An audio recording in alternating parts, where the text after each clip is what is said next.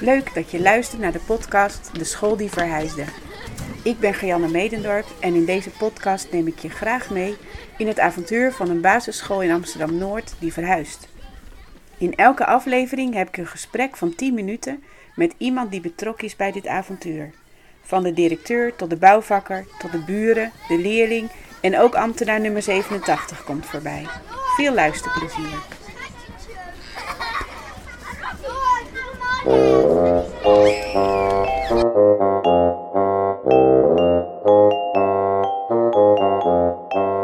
Aflevering 1. De aanleiding.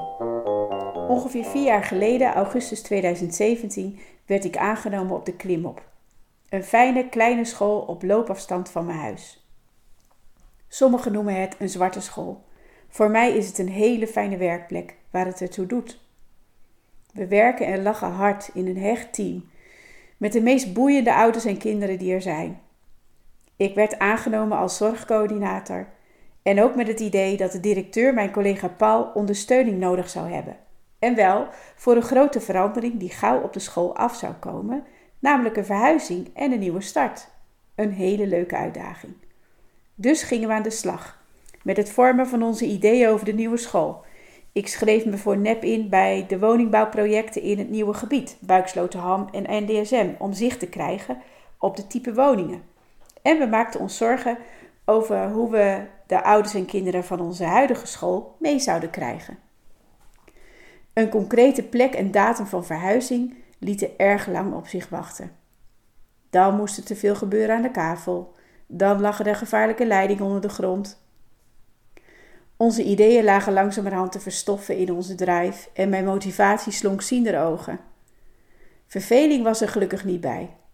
Want een school goed runnen in coronatijden is een uitdaging die de week makkelijk vult. Tot februari 2021. We hadden een definitieve kavel toegewezen gekregen, kavel 18a in de Buiksloterham.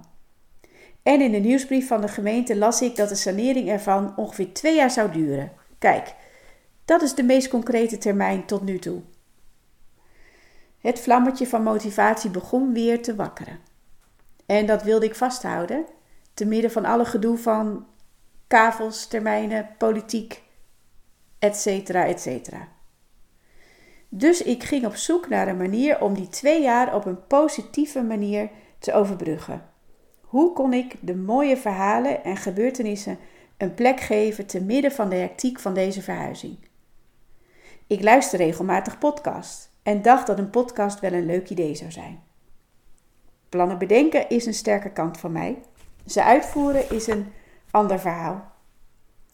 Op mijn verjaardag in april 2021 kreeg ik een audioapparaatje van mijn man en van mijn broertje en zijn zakenpartner een uur coaching over het concept van de podcast. Nu kon ik niet meer terug. En zo komt het dat je nu kunt luisteren naar de podcast De School die Verhuisde.